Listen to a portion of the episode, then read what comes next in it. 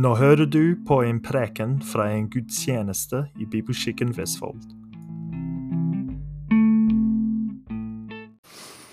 Ja, god dag alle sammen. Uh, I dag skal vi gå gjennom et avsnitt i Filippebrevet, kapittel to. Ja. Uh, jeg har hørt noen rykter om at jeg kanskje snakker litt lavt, så kan kanskje bare gi meg et tegn om jeg må snakke litt høyere. Så i dag skal vi lese fra Eller avsnittet vi skal gå gjennom, er fra vers 5 til og med vers 11. Men før vi går gjennom dette, så ber vi.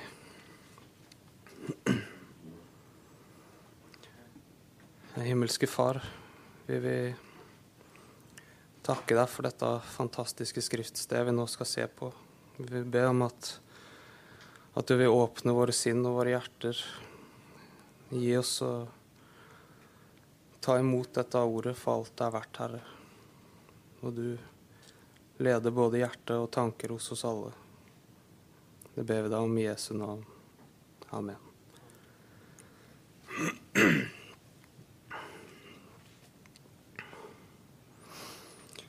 Og leser fra vers 5. La dette sinn være i dere, som òg var i Kristus Jesus. Han som, da han var i Guds skikkelse, ikke holdt det for et røva bytte å være Gud lik, men uttømte seg selv idet han tok på seg en tjeners skikkelse. Og da han kom i menneskers lignelse, nei, og kom i menneskers lignelse, og da han i sin ferd var funnet som et menneske, fornedra han seg selv og ble lydig til døden, ja, døden på korset. Derfor har Gud òg høyt opphøyet ham og gitt ham det navnet som er over alle navn, for at i Jesu navn skal hvert kne bøye seg, deres som er i himmelen og på jorden og under jorden, og hver tunge skal bekjenne at Jesus Kristus er Herre, til Gud Faders ære. Bare først litt kort bakgrunn om det. Det vi har lest nå, er et avsnitt i Skriften som har vært ganske mye diskutert opp gjennom tidene. Eh, det er stor enighet blant de lærde om at eh, vers 6-11 er en, en, gammel hymne. En lovsang av, Kristus som er kjent som Carmen Christi. Eh, vers 5 som vi har med, er ikke en del av sjølve hymnen, men det er en innledning til det. Og det antas at kanskje dette er en av urkirkens eh, lovsanger. Det er en salme som viser oss til Jesu preeksistens, fornedrelse og opphøyelse. Og Vi skal se litt på alt dette mens vi beveger oss gjennom teksten. Apostelen begynner med formaninga La dette sinn være i dere som òg var i Kristus Jesus. Uh, bakgrunnen for at han sier dette, ser vi i vers 3 og 4. Uh, Filippe-menigheten var en ganske velstående menighet. Og det, de bærte preg av det, at det var ting som kunne gå litt til huet på dem. Så før avsnittet som vi da skal gå gjennom, så sier Paulus gjør ikke noe av ærgjerrighet eller lyst til tom ære, men akt hverandre i ydmykhet høyere enn dere selv. Ingen må bare se på sitt eget, men enhver må også ha de andres gagn for øye. Og så beveger apostelen seg over i den formaninga nå. Og la dette sinn være i dere, som òg var i Kristus Jesus og det er vanskelig å fatte dybden av alt som ligger i denne formaninga.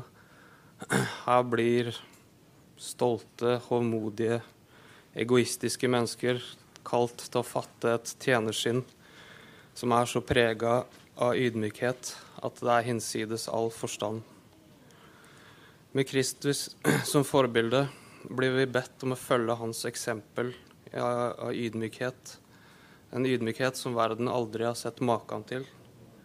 Noe som strider imot all vår natur.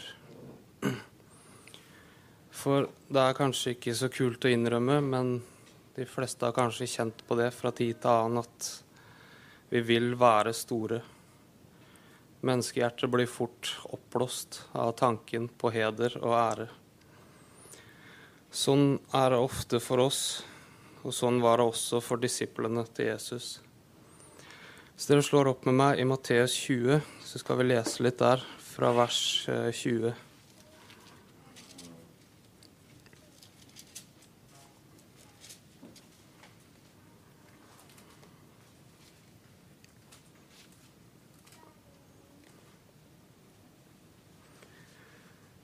Så kom mor til Sebedeus-sønnene til ham med sønnene sine og falt på kne for ham for å be han om noe. Han sa til henne, Hva vil du? Hun sa til ham, Si at disse sønnene mine skal sitte hos deg i ditt rike, en ved din høyre side og en ved din venstre. I jødisk kultur så er midtpunktet regna som hedersplassen, etterfulgt av høyre og venstre side.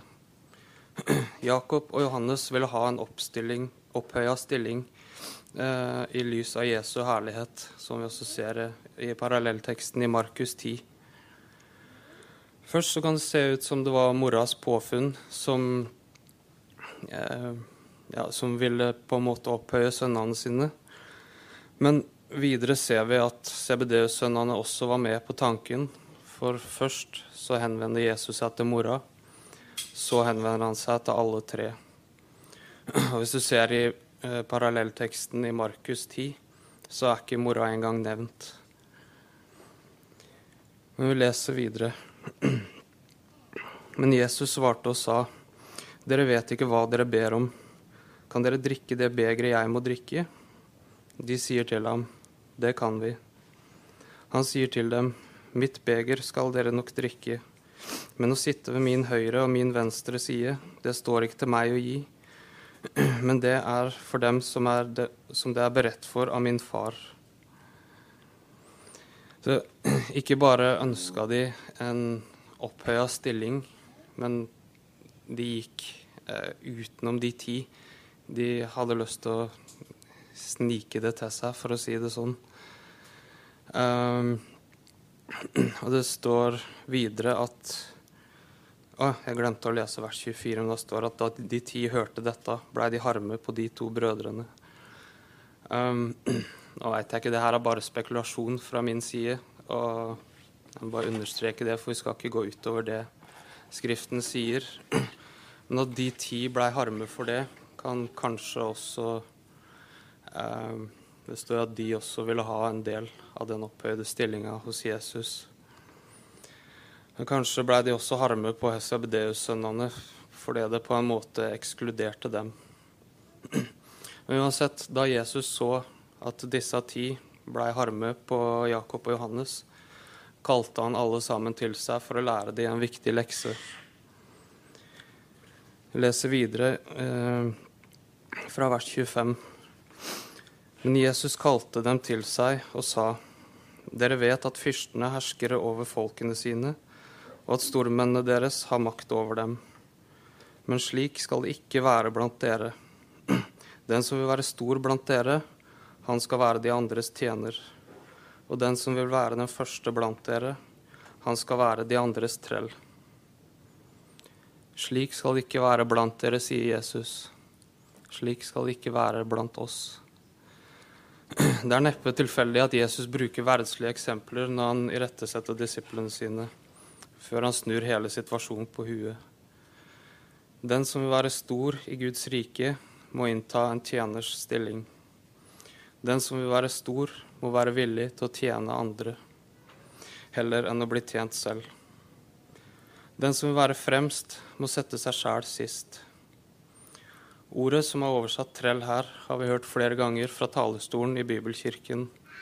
Det er greske ordet 'dulos', et ord, et ord som opprinnelig beskrev den laveste på tjenerordenen. Videre leser vi fra vers 28. Like som menneskesønnen ikke er kommet for å la seg tjene, men for selv å tjene og gi sitt liv til en løsepenge i mange sted.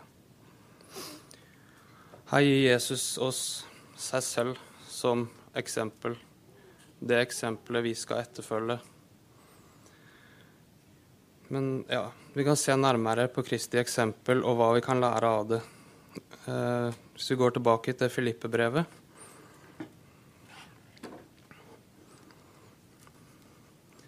og les fra vers 6.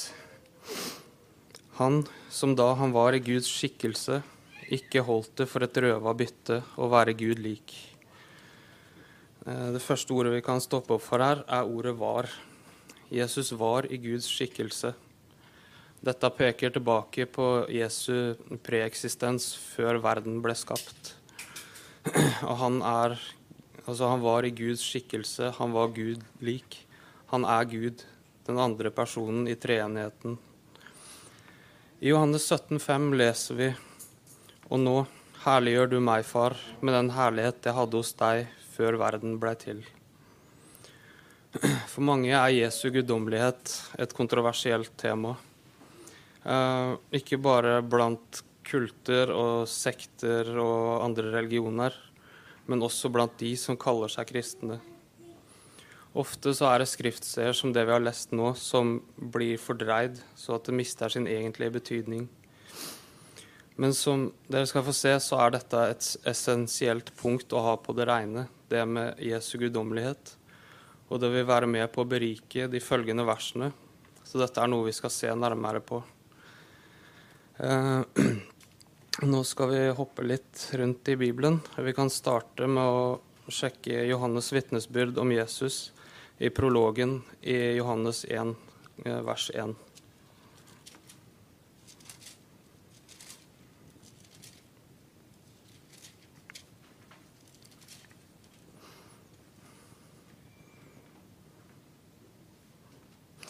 Der står det I begynnelsen var Ordet, og Ordet var hos Gud, og Ordet var Gud.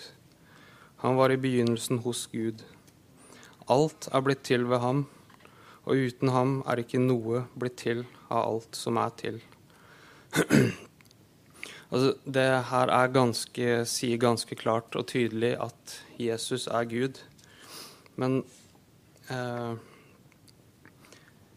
ja, jeg skal vise etterpå hvorfor det er så viktig å ha det på det reine, så jeg vil bare gå gjennom et par skriftsteder til for å virkelig få banka det inn at Jesus er virkelig den opphøyde Gud. Eh, de som vil være med, kan ah, Unnskyld. Alt er blitt til ved ham. Det vil jo si absolutt Altså alt er blitt til ved ham, og uten ham er ikke noe blitt til av alt som er til. Alt er blitt til ved ham. Og videre kan vi bare se i vers 14 at ordet ble kjød og tok bolig blant oss. Altså Der ser vi hvem ordet er. Det er den enbårne sønn. Eh, videre kan vi se hva Paulus har å si om Jesu guddommelighet i Kolossebrevet, kapittel 1. Og vi leser fra vers 15. Han er et bilde av den usynlige Gud, den førstefødte fremfor enhver skapning. For i ham er alt blitt skapt, i himmelen og på jorden, det synlige og det usynlige, enten det er troner eller herredømmer eller makter eller myndigheter. Alt er skapt ved ham og til ham. Han er før alle ting, og alt består ved ham. Dette kan ikke være sant om noen andre enn den allmektige Gud.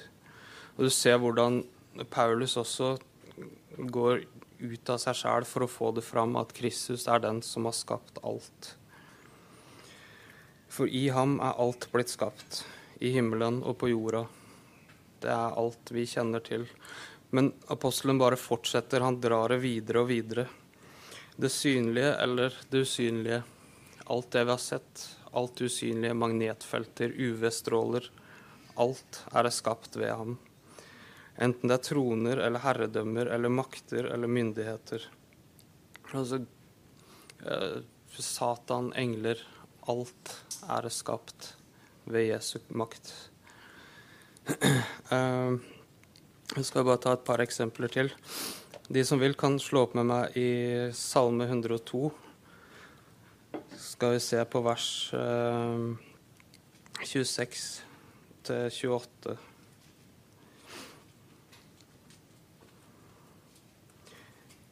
Der sier salmisten eh, Jeg kan ta med fra vers 25, bare for å se at her er det Gud det er snakk om. Jeg sa, min Gud, ta meg ikke bort fra mine dager, dine år varer fra slekt til slekt. I gammel tid grunnfesta du jorden, og himlene er et verk av dine hender. De skal få gå, men du blir stående. De skal alle eldes som en kledning. Som, som, skift, som klær skifter du dem ut, og de blir skiftet ut. Men du er den samme, og dine år får ingen ende. Så skal vi hoppe til Hebrebrevet, kapittel 1. Det er bare for å vise at det salmisten sier er sant om Gud i Det gamle testamentet. Det samme sier hebreerbrevets forfatter om Jesus Kristus. Fra vers 10 leser vi Og du, Herre, la i begynnelsen jordens grunnvoll, og himlene er dine henders verk. De skal gå til grunne, men du forblir. De skal alle eldes som et klesplagg. Som en kappe skal de rulle dem sammen. Som et klesplagg skal de skiftes. Men du er den samme, og dine år tar aldri slutt. Det samme som var sant for Gud i Gamle testamentet, er også sant om Jesus i det nye. Når vi er her, kan vi også se på vers 8. Men om Sønnen sier han, det er Faderen, din trone, Gud, står fast i all evighet. Og din rettferdsstav, og rettferdsstav er ditt rikes kongestav. Uh, så nå har vi på en måte vi har Johannes' vitnesbyrd, vi har Paulus' vitnesbyrd, vi har Hebrebrevets forfatters vitnesbyrd, og vi har Faderens vitnesbyrd om at Jesus Kristus er Gud. Og som jeg sa i stad, så er det veldig viktig å ha det på det reine, ikke bare for hvor store de vil gjøre, de versa vi skal se på. Hvis dere slår opp med meg i Johannes kapittel 8, så jeg bare peker på at det er en essensiell, en essensiell ting å ha det på det reine. I vers 24 så sier Jesus Derfor sa jeg til dere at dere skal dø i deres synder. For dersom dere ikke tror at jeg er den jeg er, skal dere dø i deres synder. Hvis dere ser i Bibelen deres, så står det kanskje merka med en liten asterisk eller 'jeg er' med store bokstaver og en liten kommentar rundt det. Eh, det Jesus sier at 'jeg er der', eh, for å forklare det kort, så peker det tilbake til 3. Mosebok 6, der Gud åpenbarer seg i den brennende busken for Moses som 'jeg er den jeg er'.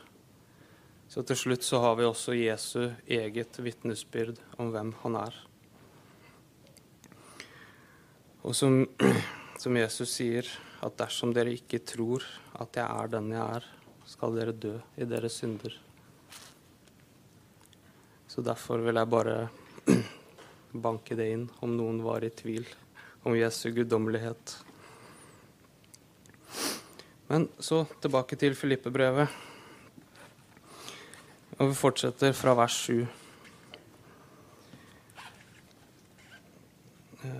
Han som var i Guds skikkelse, ikke holdt det for et røva bytte å være Gud lik, men uttømte seg selv idet han tok en tjeners skikkelse på seg, da han kom i menneskets lignelse. Og da han i sin ferd var funnet som et menneske, fornedra han seg selv og ble lydig til døden, ja, døden på korset. Her ser vi at apostelen sier at det var Jesus som uttømte seg selv. Det var en frivillig handling fra hans side. Også rundt dette så er det noen kontroverser om hva uttømmelsen består i. Noen mener at Jesus eh, ble uttømt for sine guddommelige kvaliteter. At han ikke lenger var fullt Gud da han gikk på jorda som et menneske. Det, som dere kanskje har gjetta, er jeg helt uenig i. Og jeg mener at vi ser i teksten hva fornedrelsen besto i.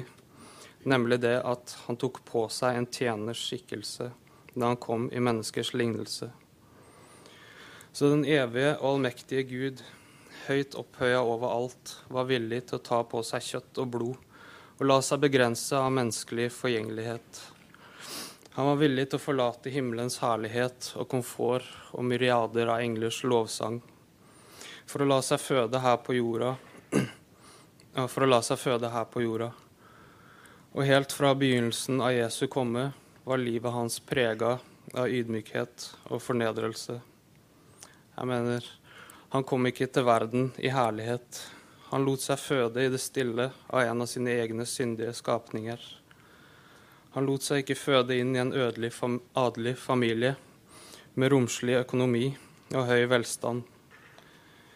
Hans mor Maria var en helt vanlig, uanselig fattig kvinne.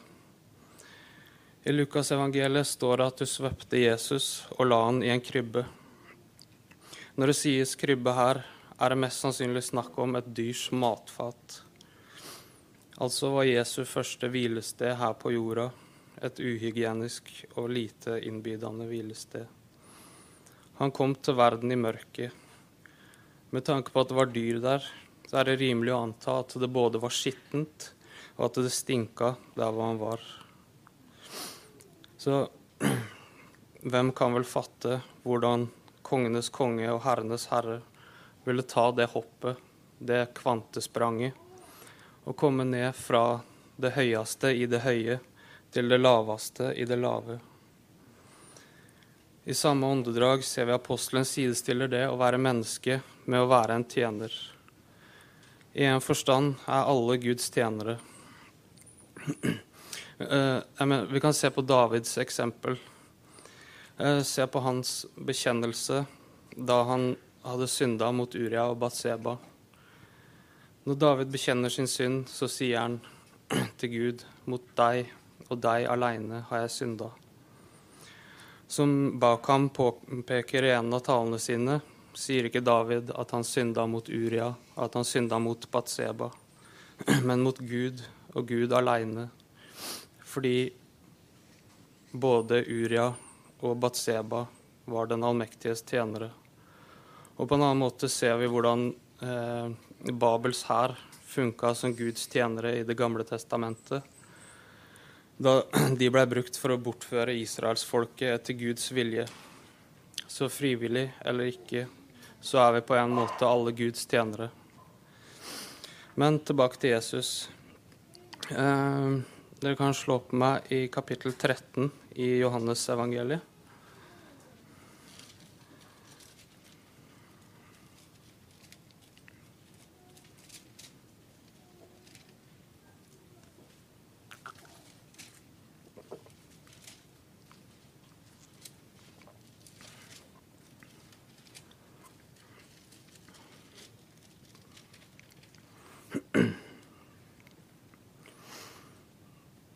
Så skal vi lese fra vers 4.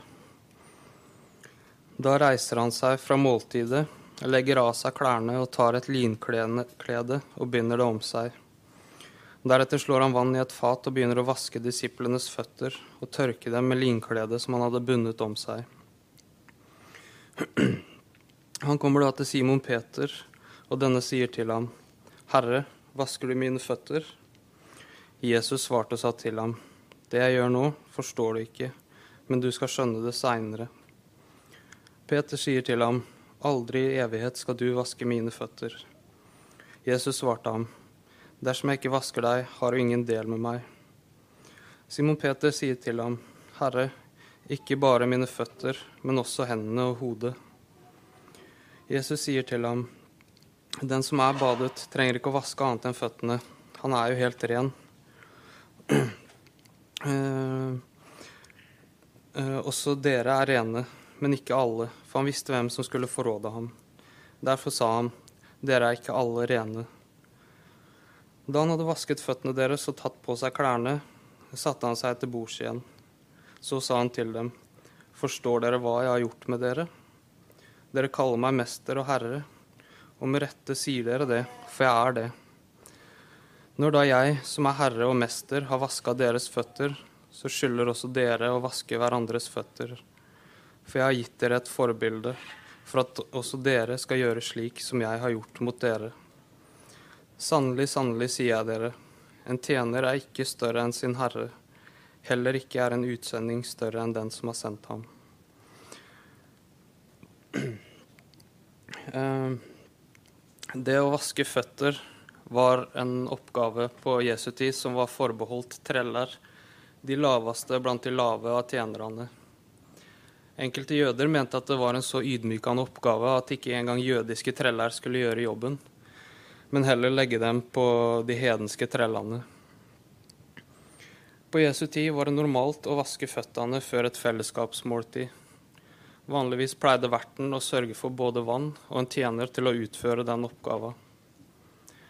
Men her ser vi at her var de alle allerede til bords og holdt måltid, men ingen hadde meldt seg frivillig til å ta den oppgaven. Disiplene hadde nok utvilsomt vært villige til å vaske Jesu føtter om han hadde bedt dem om det. Men eh, sånn som det var nå, så var det ingen som ville gjøre det. Men Jesus viser hvordan det skal gjøres. Det står at han tar av seg ytterkappen og binder et linklede om seg.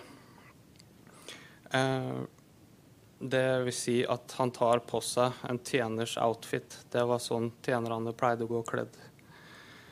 Og han går rundt og vasker disiplenes føtter.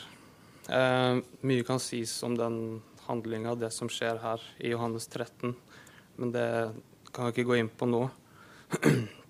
Men jeg vil bare la merke til en fin detalj når jeg satt og jobba med det her.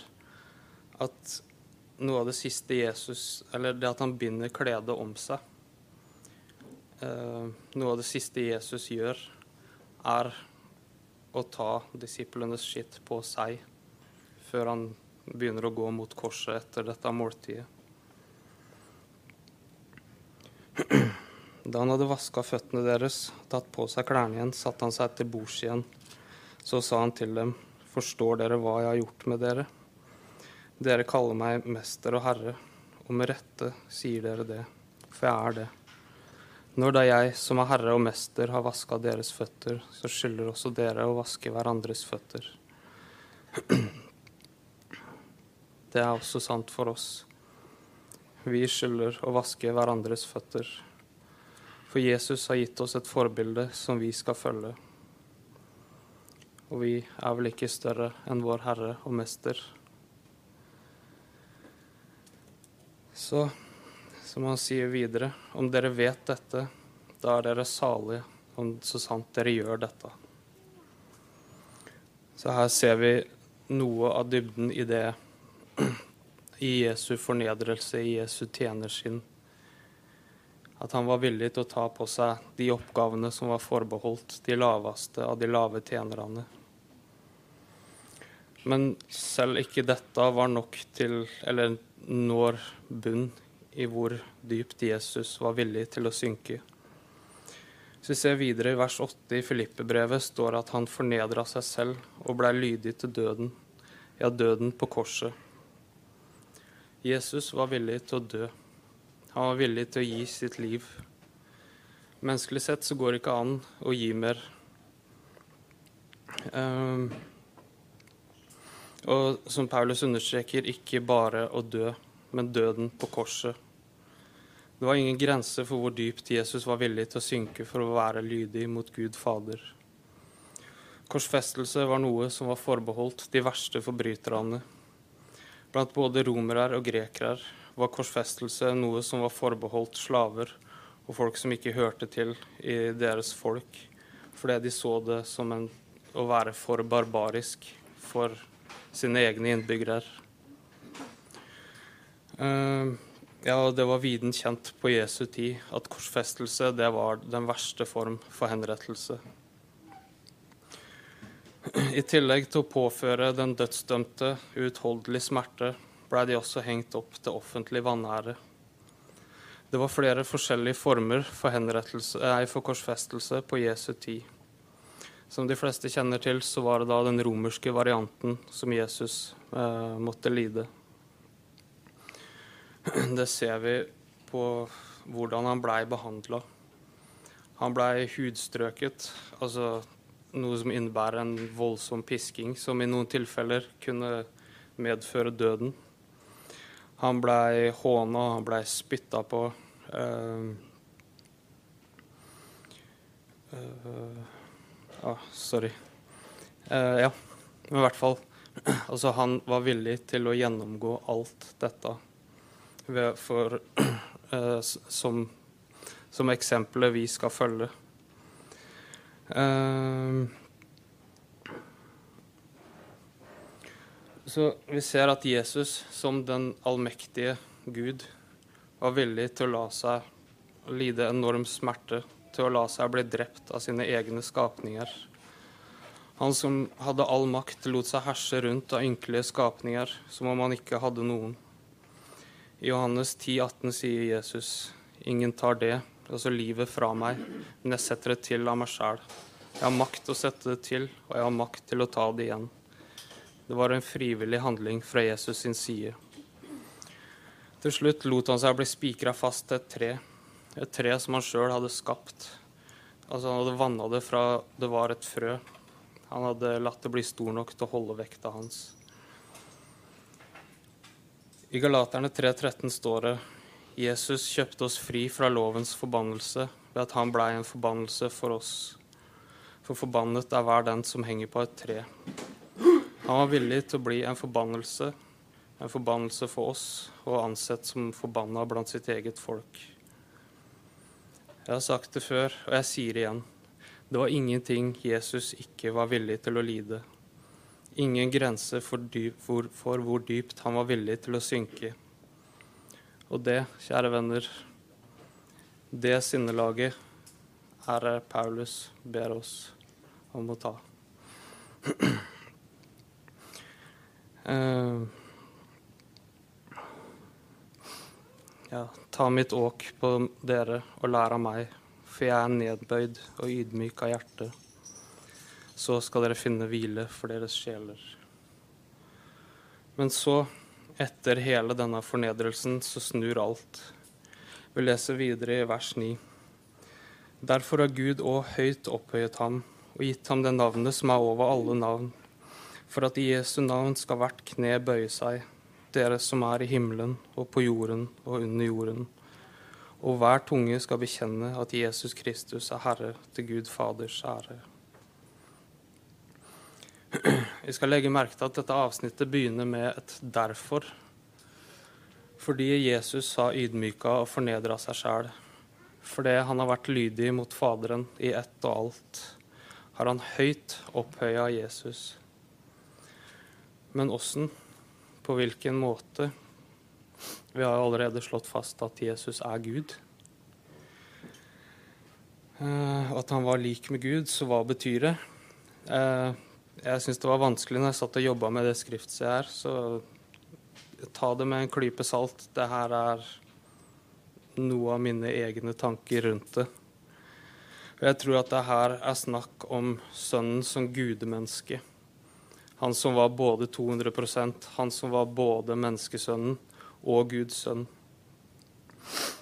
Eh, I Hebreerbrevet kapittel 2 vers 9 leser vi Men han som for en kort tid var satt lavere enn englene, Jesus, han ser ved krona med herlighet og ære fordi han led døden, for at han ved Guds nåde skulle smake døden for alle. Så jeg tenker at dette refererer til gudmennesket Jesus, som for en kort tid var satt lavere enn englene, men nå er opphøya igjen fra sin fornedra tilstand. Og kanskje, dette er ikke noe jeg er dogmatisk på i det hele tatt, men også i den forstand at Jesus har brakt det menneskelige til treenigheten, for å si det sånn. Eh, for Jesus som Guds sønn fra evighet har han jo hatt navnet som er over alle navn, fordi han er Gud. Men at det nå på en måte strekker seg lenger, siden guddommen har utvida seg, da, for å si det sånn, til å innbefatte et annet stadium enn før Jesus kom til jorda i inkarnasjonen. Før han tok på seg kjøtt og blod. For at i Jesu navn skal hvert kne bøye seg, deres som er i himmelen og på jorda og under jorda. Og hver tunge skal bekjenne at Jesus Kristus er Herre til Gud Faders ære. På samme måte som Kristus lot seg synke lavere og lavere, ser vi Faderen løfte han høyere og høyere. Under Jesu liv og fornedrelse på jorda var ikke mye heder og ære forbeholdt til ham. Forakta var han og forlatt av mennesker. En smertens mann, vel kjent med sykdom. Han var en som folk skjuler sitt åsyn for, foraktet, og vi akta ham for intet. Sant nok, det blei en del føss rundt Jesus da han utførte mirakler og gjorde gode gjerninger. Men det hele kulminerte i, ned til at alle forlot ham, og Jesus står der med de tolv og spør vil også dere gå bort. Men sånn var ikke eh, i Faderens øyne. Vi ser at Jesus er blitt opphøya til den høyeste hedersstilling i det høye. I Hebreerbrevet 1,3 står det etter at han hadde fullført renselsen for, for, våre synder, satte han seg ved majestetens høyre hånd i det høye. Jesus ble gitt den posisjonen som disiplene tidligere trakta etter, men ikke ved å opphøye seg sjæl og gjøre seg sjæl stor, men ved fornedrelse, ydmykhet, tjeneste, lydighet. I alt dette så ser vi en sannhet som Jesus gjentok flere ganger, og vi hører hos Eh, I hvert fall hos Jakob også. Jesus sier i flere situasjoner at den som opphøyer seg selv, skal fornedres. Og den som fornedrer seg selv, skal opphøyes. Jeg tror at, siste, nei, at hensikten med denne siste halvdelen av avsnittet eh, ikke bare skal virke til å vise Jesu opphøyahet, men også at det skal virke til å styrke og oppmuntre oss til å fatte det samme sinn som òg var i Kristus Jesus. Eh, dere kan slå opp med meg i 1. Peters brev, kapittel 5.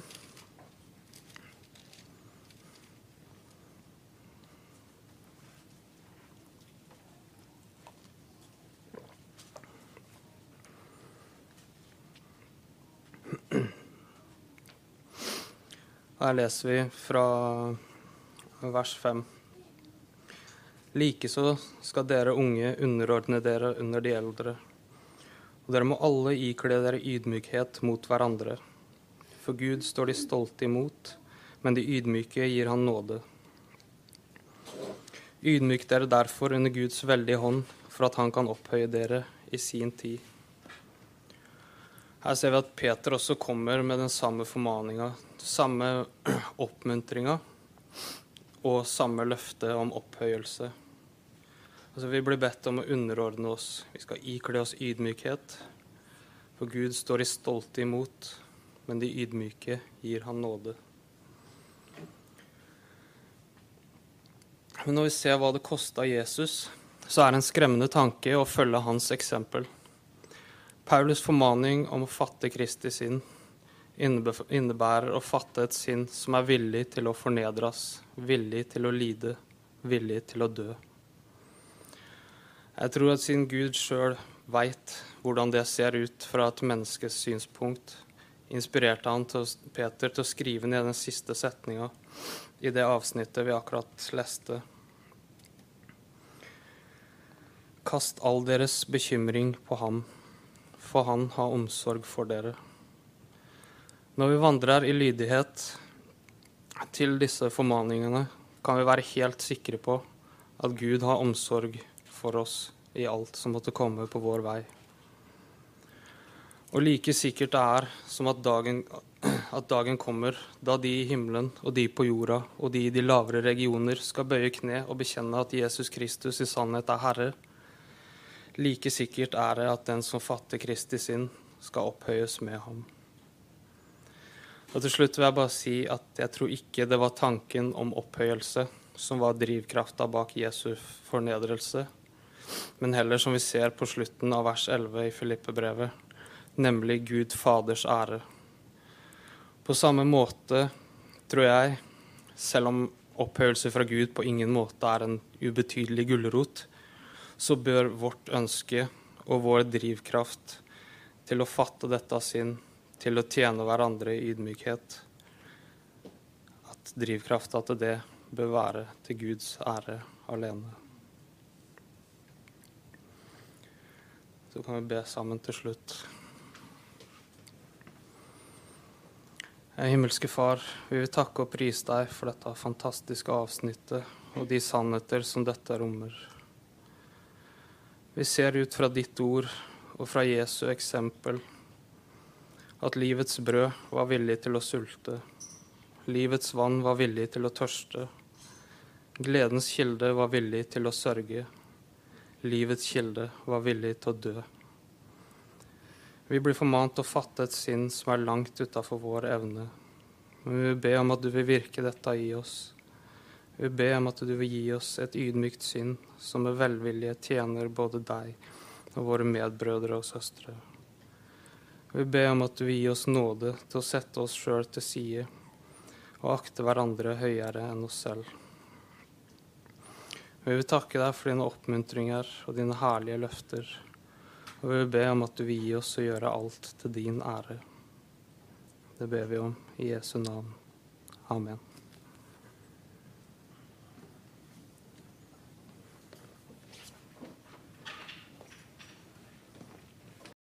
Takk for at du hørte på denne prekenen. Ønsker du mer informasjon, besøk bibelkirken.com eller vår Facebook-side Bibelkirken Vestfold.